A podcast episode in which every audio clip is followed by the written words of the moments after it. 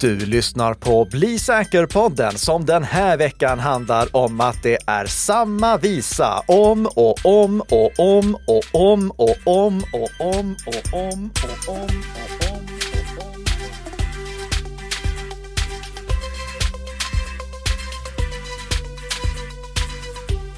Igen. God morgon Karl-Emil Nicka. God morgon, god morgon Peter Esse och eh, god morgon kära lyssnare som tunar in Bli säker-podden så här på fredagsmorgonen för ett nytt avsnitt av Bli säker-podden som produceras i samarbete mellan Nicka Systems och Bredband2 inspelat den 19 januari för sändning den 20 januari.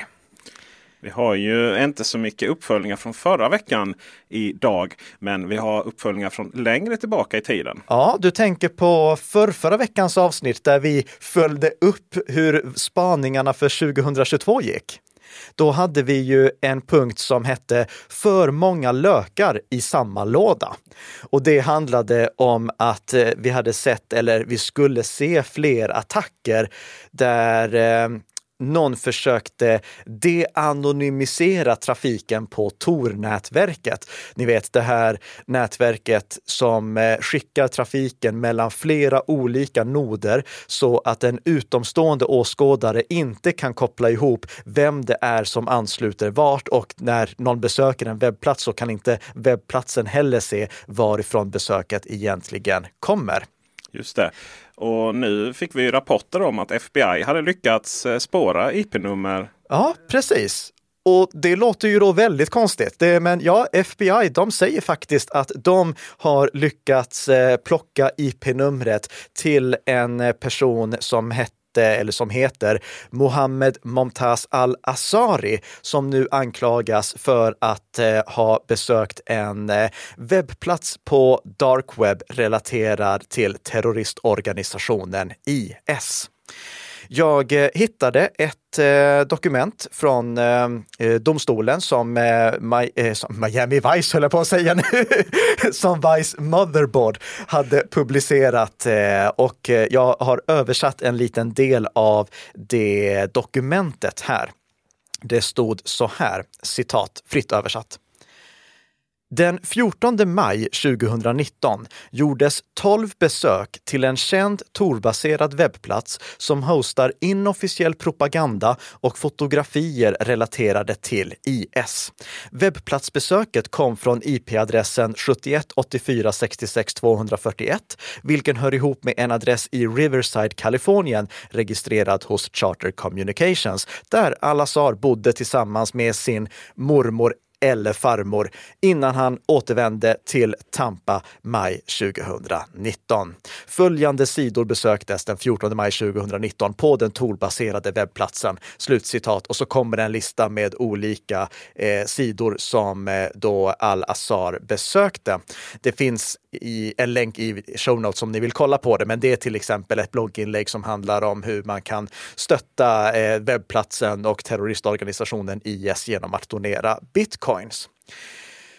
Så går det att eh, deanonymisera trafik på Tor. Eh, vi pratade i ett dedikerat avsnitt om attacker som vi hade sett och det här som vi rapporteras om nu från FBI, det är ju någonting som skedde 2019, så det är inte helt omöjligt att de har lyckats göra en sån här deanonymisering. Men jag håller det väldigt osannolikt. Det är mycket, mycket mer sannolikt att de i själva verket bara lyckades infektera Al-Azaris dator och eh, då kunde se precis allting som han gjorde från den datorn och då också vilken IP-adress som han hade vid tillfället då han gjorde de här sakerna. Eh, det förklarar också hur de kan se exakt vilka webbsidor som han har besökt på den här webbplatsen. Så det är mycket mer sannolikt. Även om det då innebär att jag inte kan plocka ett poäng för min spaning om att vi skulle få se fler attacker mot Tor-nätverket. FBI, de meddelar inte hur de lyckades, men eh, här har ni i alla fall min förklaring till vad som är det mest troliga. Den här veckan så har Microsoft gjort Peter Esse väldigt ledsen. Vet du varför? Jag tror jag vet varför. Det här var i och för sig någonting som de aviserade för länge sedan, men du kanske fick reda på det nu?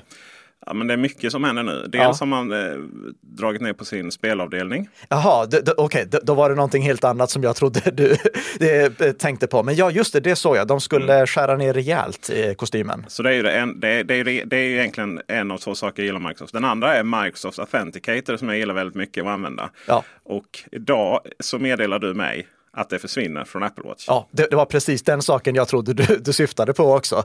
Microsoft Authenticator har ju tidigare funnits till Apple Watch, så vi Apple Watch-ägare har kunnat eh, ja, till exempel godkänna eh, inloggningsnotiser från vår Apple Watch. Men Microsoft har meddelat att de kommer plocka bort stödet för Apple Watch för sin Authenticator-app. Men det gör kanske inte så mycket. För här kommer Bitwarden in och räddar dagen. Visst att det skulle vara Bitwarden. ja, precis. Bitwarden, de har nämligen nu den här veckan släppt en uppdatering till sin iOS-app. Och med den uppdateringen kom också stöd för Apple Watch. Så om du använder Bitwarden både för att hantera dina lösenord och för att automatiskt fylla i dina ingångskoder när du loggar in med tvåfaktorsautentisering och då är det inte med Microsofts speciallösning jag tänker, utan med den branschstandardmetoden, de facto standardmetoden för tvåfaktorsautentisering med en sån här sexsiffrig tidsbaserad engångskod. Då kan du nu få upp det i din Apple Watch. Så jag kan här på min Apple Watch få upp alla de tvåfaktors engångskoder som eh, Bitwarden genererar åt mig nu. Men eh, Ska man verkligen ha både sina lösenord och tvåfaktorsautentiseringshemligheten, ett väldigt långt ord, ja. i samma app?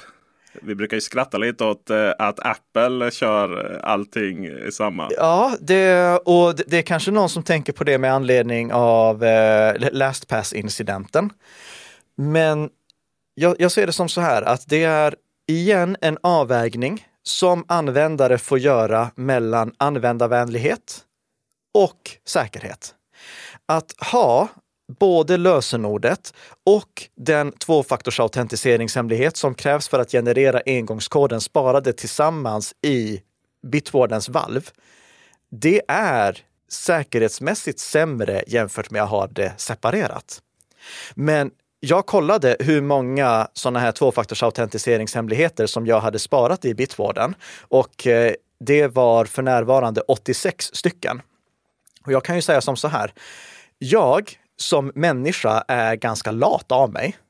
Så ifall jag inte hade haft möjlighet att få den här automatiska ifyllningen som man får med, eh, med Bitwarden och tvåfaktorsautentisering. Alltså om jag vill logga in på en sida där jag har sparat allting i Bitwarden.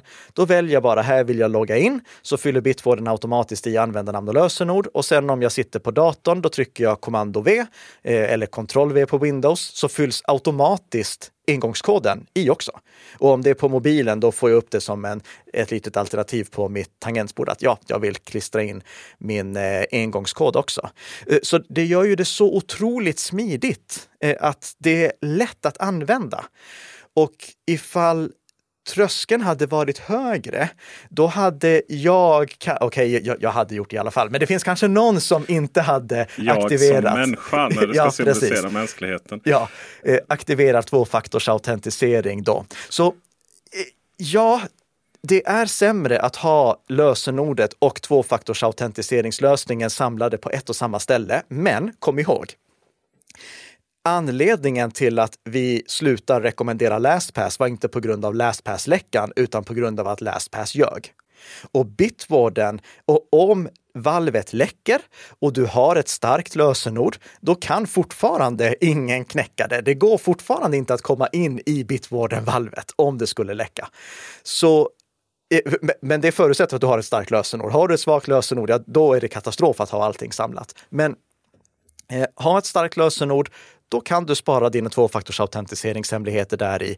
Om du känner att du vill ha extra skydd, så som jag till exempel har med eh, eh, min säkerhetsnyckel. Jag, jag, har ju inte allting i Bitwarden. Jag eh, använder min säkerhetsnyckel på de ställena där det är absolut mest kritiskt och har till och med en annan eh, autentiseringsapp, Authy, för vissa tvåfaktorsautentiseringshemligheter. Till exempel tvåfaktorsautentiseringshemligheten till Bitwarden. Just det, jag tänkte på det också. ja, för, för du, du, kan ju inte spara tvåfaktorsautentiseringshemligheten till Bitwarden i Bitwarden.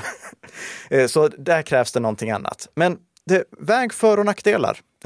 Om du känner att ja, men jag, tycker att det är värt det ur ett praktiskt perspektiv att ha det samlat så att vi får automatisk ifyllning, använd då Bitwarden. Men, eh, kom jag på här, eh, automatisk eh, ifyllning med hantering av tvåfaktors, eh, tvåfaktorsautentiseringshemligheter, det är inte en del av gratisversionen av Bitwarden. Det kräver premiumversionen. Så det är typ en dollar i månaden ifall Eh, Eh, man vill ha tillgång till det. Om du inte vill ha tillgång till det, men du vill ha dina tvåfaktorsautentiserings genererade engångskoder på din arm, i din klocka, i din Apple Watch, då kan du använda Authy istället. Authy som vi också har rekommenderat. Inte Authys egen påhittade lösning för autentisering, för den skulle jag definitivt inte rekommendera. Men Authy-appen kan ju också användas för branschstandardmetoden för tvåfaktorsautentisering. De facto branschstandardmetoden för tvåfaktorsautentisering. Så Använd Authy i så fall, så får du det direkt i klockan och det är gratis. Och då har du dessutom dina eh, lösenord och dina tvåfaktorsautentiseringshemligheter separerade. På tal om att köpa saker mm. så har vi ju en eh, svenskrelaterad nyhet som inkluderar Bitwarden. Just det, det har vi. Det var i onsdags som det kom en stor nyhet om att Bitwarden förvärvar eh, passwordless.dev som är en eh, open source startup som eh, pysslar med autentisering utan lösenord baserat på WebAuthn, vår favoritstandard. Eh, Bitwarden köper upp dem och det som är lite speciellt med passwordless.dev, det är att det bolaget ägs av eh, min granne. Heja Malmö! ja. Och, och, det, det, här är ju lite, lite störigt för mig, för att liksom, nu ska han få jobba med Bitwarden och inte jag. Avundsjuk blir jag. Tog fel ingång där. Ja, men eh, förhoppningsvis, då kan vi nog eh, i alla fall få med honom i podden inom kort. Det blir ju ganska lätt i alla fall. Han behöver inte resa långt. Eh, dessutom, i samband med det här avslöjandet, då meddelande, eller tillkännagivandet ska jag säga, då meddelade Bitwarden också att Bitwarden i sig får stöd för Passkeys 2023. Så nu står det officiellt 2023 kommer Eh, eh, Bitwarden att få stöd för Passkeys. Det blir en cross-platform lösning som synkroniserar våra nycklar mellan alla enheter och min dröm kommer då att finnas. Oj, vi som tillhör Team One Password, vi får, får hoppas att det händer någonting där också. Annars ja, men, är det väl läge att byta då. One Password, de jobbar ju på också. Det, de har meddelat att de kommer också lägga till stöd för uh, Passkeys. Så vi får se vem det är som blir färdig först där. Peter, du har lite nyheter kring eh, den här polisincidenten som vi pratade om för några år sedan, eller hur? Mm. I februari 2019 blev det känt att Polismyndigheten har anmält sig själva till dåvarande Datainspektionen, nuvarande Integritetsskyddsmyndigheten, IMY. Detta då ett stort antal e-postmeddelanden, både från externa privatpersoner, kanske företag också, som har skickat in e-post till Polismyndigheten. Men också att polisanställda har skickat interna mejl som sen visar sig inte vara interna utan de hade skrivit fel domännamn. För en person utomstående har registrerat ett domännamn som var eller är likt polisen.se. Mm. Så då har både utomstående och polisanställda råkat mejla till den här privatpersonen istället för till den personen som de hade tänkt på eh, hos just polisen.se. Just det.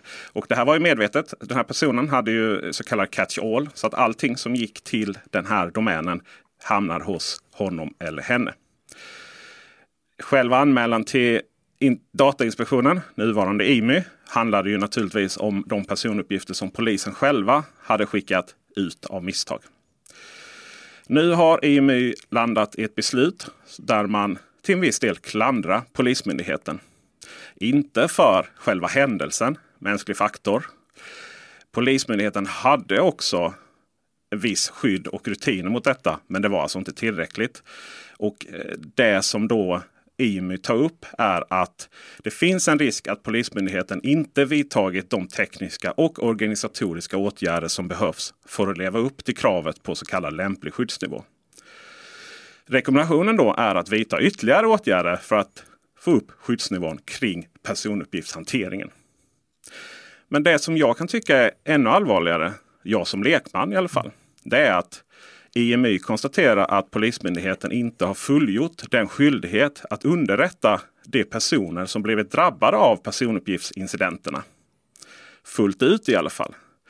Rekommendationen då från IMY är att Polismyndigheten ser över även denna hanteringen i fortsättningen. Min fråga till dig Karl-Emil är Hur skyddar sig vi som företagare, vi som privatpersoner, att någon skapar en snarlik domän eh, och på så sätt får tillgång till information som egentligen skulle till oss? Mm. Det är ett enkelt svar på den frågan. Vad skönt. Ja, det kan du inte. Vad inte skönt? Nej, men det, det, är helt omöjligt och eh, bara för att bevisa det också. Du vet, stora i och lilla l är väldigt lika varandra. Mm. Så det finns någon som äger domänen P O I isen.se som då alltså kan skrivas så att det ser ut likadant som polisen.se. Och anledningen till att jag vet att det är någon som äger den domänen, det är för att det är jag som äger den domänen. När vi pratade om det här förra gången, då kollade jag på vilka domäner som var lediga för att se, liksom, okej, okay, hur omfattande är det här problemet? Och då upptäckte jag att den här domänen, som alltså är Eh, eh, den, den perfekta nätfiskedomänen, den var ledig.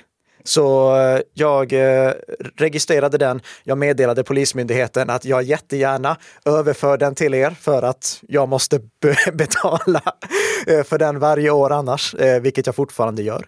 Och jag har givetvis stängt av all möjlighet att skicka mejl eller ta emot mejl på den domänen. Så det, det, det, går inte att interagera mejlmässigt med den.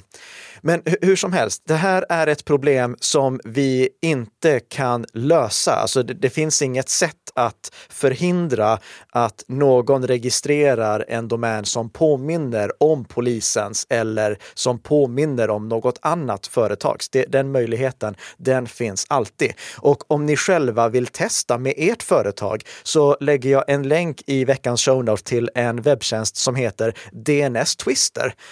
Där kan ni gå in, skriva in liksom platsen som ni jobbar på eller skolan ni går på eh, skriva in deras domän och då får ni upp exempel på lämpliga nätfiskedomäner som är lediga. det, det, det, är irriterande lätt att hitta nätfiskedomäner som är lämpliga. Och det enda vi kan göra åt det, det är att vara medvetna om det och vidta andra åtgärder som kompenserar för att det faktumet gäller.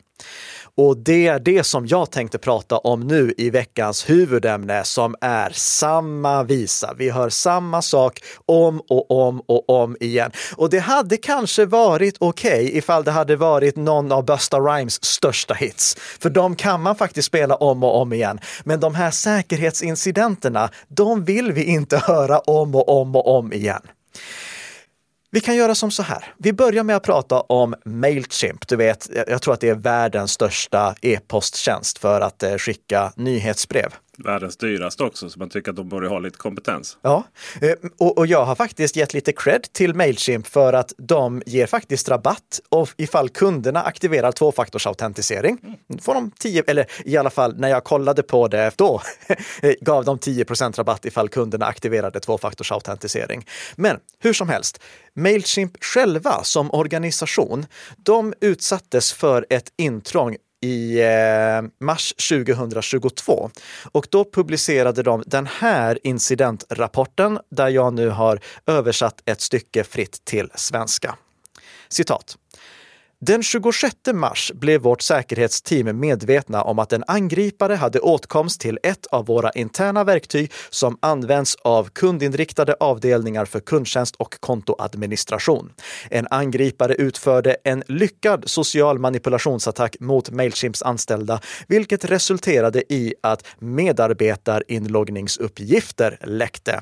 Slut på fritt översatt citat. Den här incidenten ledde till att 219 Mailchimp-konton konton påverkades eh, och 102 Mailchimp-konton fick data exporterat. Det vi såg här det var att angriparna som stal den här datan, de var framförallt ute efter att få kontaktuppgifter till eh, organisationer som hade kunder inom eh, finansiella tjänster och inom kryptovalutatjänster för att sen kunna utföra den typen av eh, bedrägeriattacker mot just dem, alltså finansiella eh, phishing-mail och kryptovaluta phishing-mail. Vilken magnet krypto är för ja. den här typen av individer. Mm, verkligen. Sen nu i januari 2023, närmare bestämt eh, den här veckan, då fick jag ett mejl från WooCommerce. Eh, WooCommerce, det är eh, den betallösning som jag använder för Nika Systems Academy. Eh, och, och eh, för, för tydlighetens skull, det som hade läckt var alltså min e-postadress hos dem.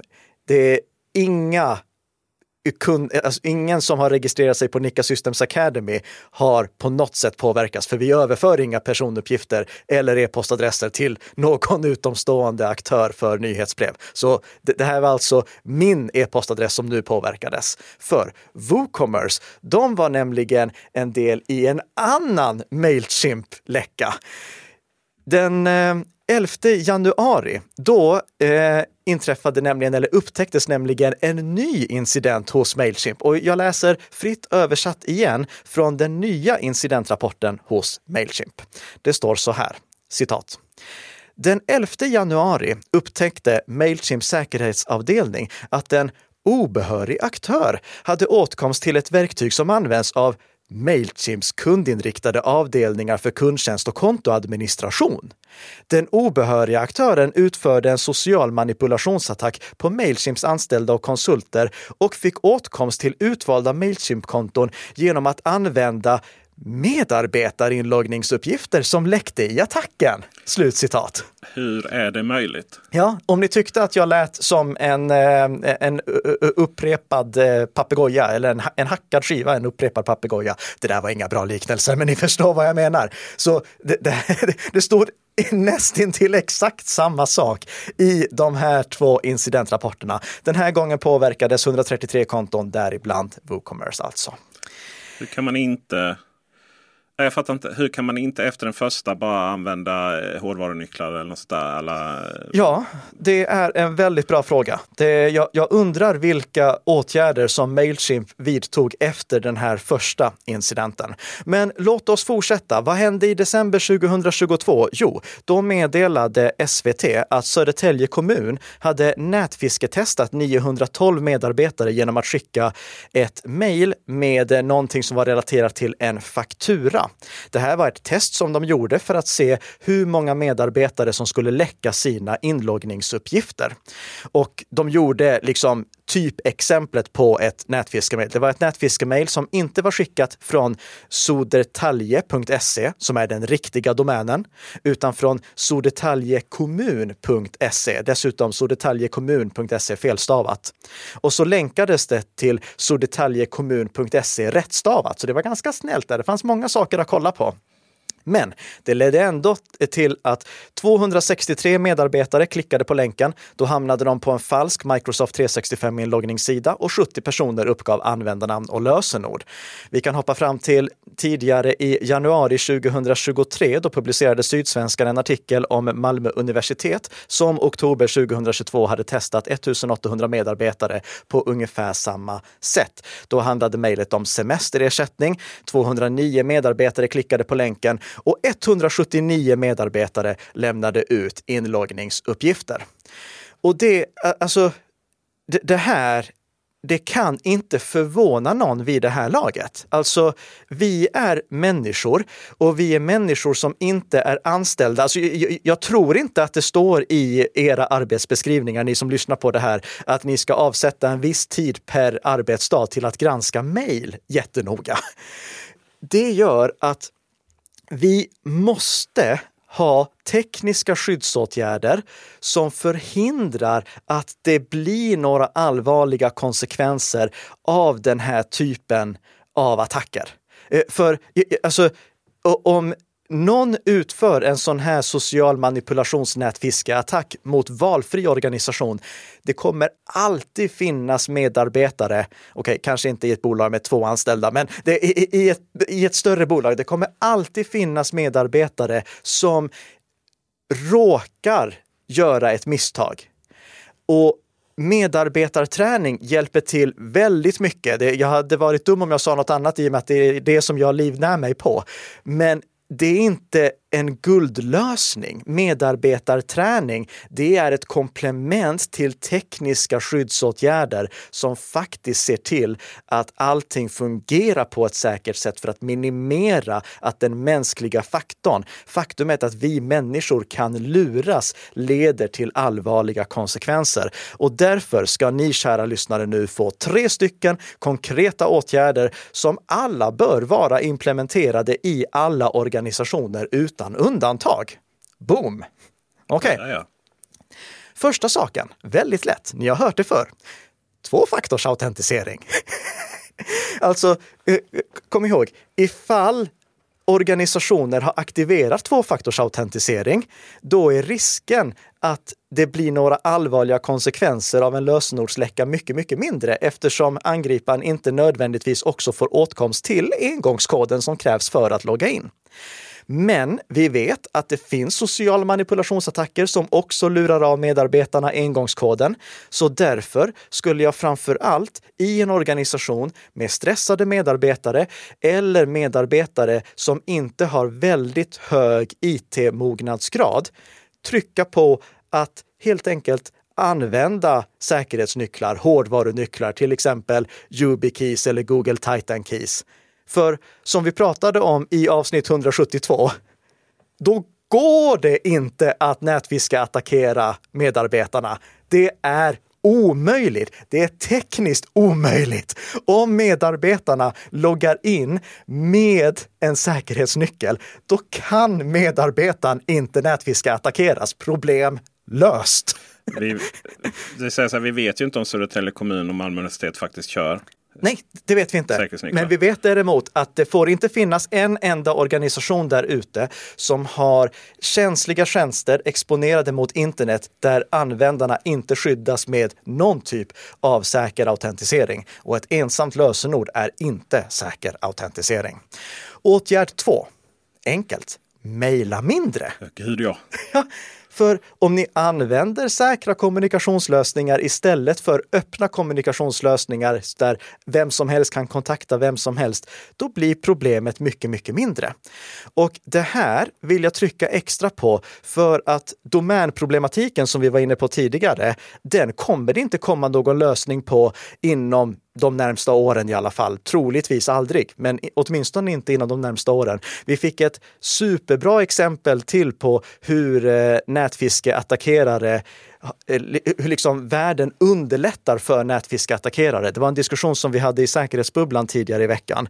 Där var det ett företag som inte skickade nyhetsbrev från sin primära domän, utan från sin primära domän bindestreck newsletter.net. Och det finns inte något tillfälle i någon situation då ett bolag ska mejla från något annat än sin primära domän. Alltså det, det är förbud att göra det.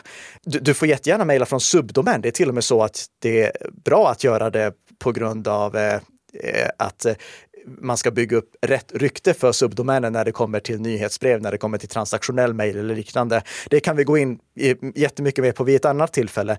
Men det eh, eh, i och med att organisationer inte håller sig till sin primära domän, då har vi de här situationerna. Södertälje kommun, det var ju samma sak där. Det, hur ska en vanlig medarbetare vara säker på att Södertälje kommun inte också använder domänen sodertaljekommun.se när organisationer kan få för sig att skicka nyhetsbrev från sin primära domän bindestreck newsletter.net? Det, det, det är liksom eh, domänproblematiken, den gör att e-postsystemet är så lätt att utnyttja för att lura medarbetare.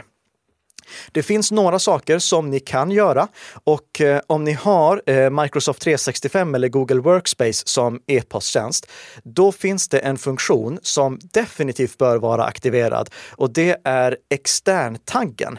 Det är en funktion som antingen är påslagen redan nu eller som ni kan slå på som gör att Outlook respektive Gmail indikerar ifall mejlet som kommer till er kommer från en utomstående organisation. Så så att om det hade varit Södertälje kommun till exempel och mejlet inte hade kommit från sodetalje.se utan från sodetaljekommun.se felstavat, då hade det funnits en extern tagg i Outlook eller Gmail som sagt det här är från en extern avsändare. Någonting som medarbetare då kan vara lite extra observanta på. Det här är ju tyvärr någonting som bara fungerar i Outlook-appen och Gmail-appen och eh, Outlook webbversionen och Gmail webbversionen. Det fungerar inte i tredjepartsappar, så det är ingen patentlösning. Jag vet att det finns vissa företag som har lagt till en Eh, lösning som gör att när det kommer ett mejl från en extern organisation, då tar e-postservern och längst upp i mejlet lägger till information om att eh, det här mejlet kommer från en extern avsändare. Men då är ju problemet att det är en del av mejlet. och vi kan inte träna våra medarbetare till att lita på någonting som står i mejlet, för det kan ju mejl avsändaren själv påverka. Då skulle mejlavsändaren själv kunna skriva längst upp, observera just nu så fungerar inte eh, varningssystemet, ignorera varning här under eller någonting sånt. Eller bara det här mejlet är supersäkert, vi har kollat det med alla kontroller vi har. Ja, och oh, du vet, du, du, jag har flera gånger i den här podden... Något jag sa? Ja, nej men alltså, jag, jag, har ju skällt ut Avast efter noter i den här podden tidigare. Jag har kört över dem med bussen några gånger. Jag tänkte jag ska backa över dem med bussen också nu. Eh, för de har en vansinnig funktion i sin eh, integration som de har till e-postklienter på Windows som gör att det längst ner i mejlen kan stå, det här kan användaren själv välja om det ska vara påslaget eller inte, eh, virus free eller virus scanned by Avast och så avast.com. Det är ju, alltså, eh, eh, hur kan de ens få för sig någonting sånt?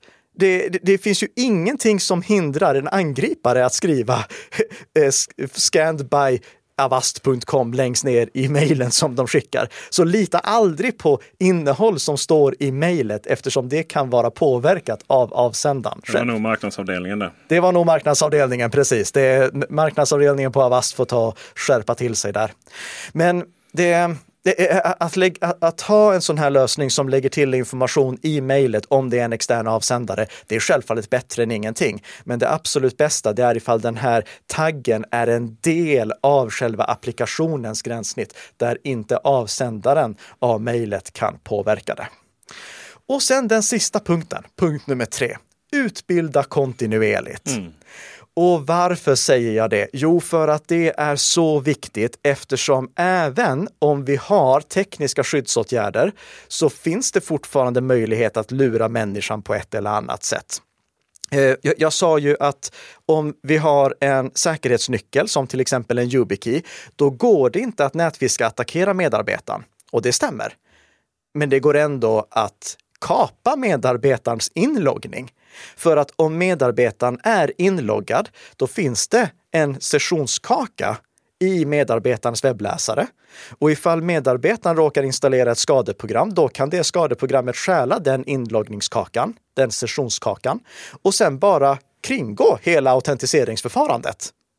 Då spelar det ingen roll hur pass väl du skyddar autentiseringen, för angriparen struntar bara i att autentisera sig. Det var, eh, jag pratade med Tess om det i ett eh, avsnitt som hette Snatta kakor. Eh, ni kan lyssna på det, där jag berättar om hur jag hade kunnat kapa Tess Twitterkonto genom att bara kolla lite i hennes webbläsare när hon tittade bort. Och det här fick vi ett exempel på i januari. Vi, vi behöver inte backa tillbaka längre än till tidigare i januari. Då skrev Circle CI så här. Circle CI, det är ett företag som utvecklar produkter för utvecklare. Eh, de skrev så här, igen, fritt översatt till svenska. Den 4 januari 2023 hade vår internutredning konstaterat omfattningen av intrånget från den obehöriga aktören och intrångsvägen för attacken. Vi har konstaterat att en obehörig tredjepart utnyttjade skadeprogram som körts i en Circle CI-ingenjörsdator för att stjäla en giltig tvåfaktorsautentiseringsskyddad single sign-on-session. Slutcitat. Alltså, medarbetaren hade skyddat sig med tvåfaktorsautentisering. Organisationen underlättade för medarbetarna med single sign-on. Men eftersom ett skadeprogram kom in och stal den här sessionskakan, då spelade det ingen roll då gick angriparna bara förbi.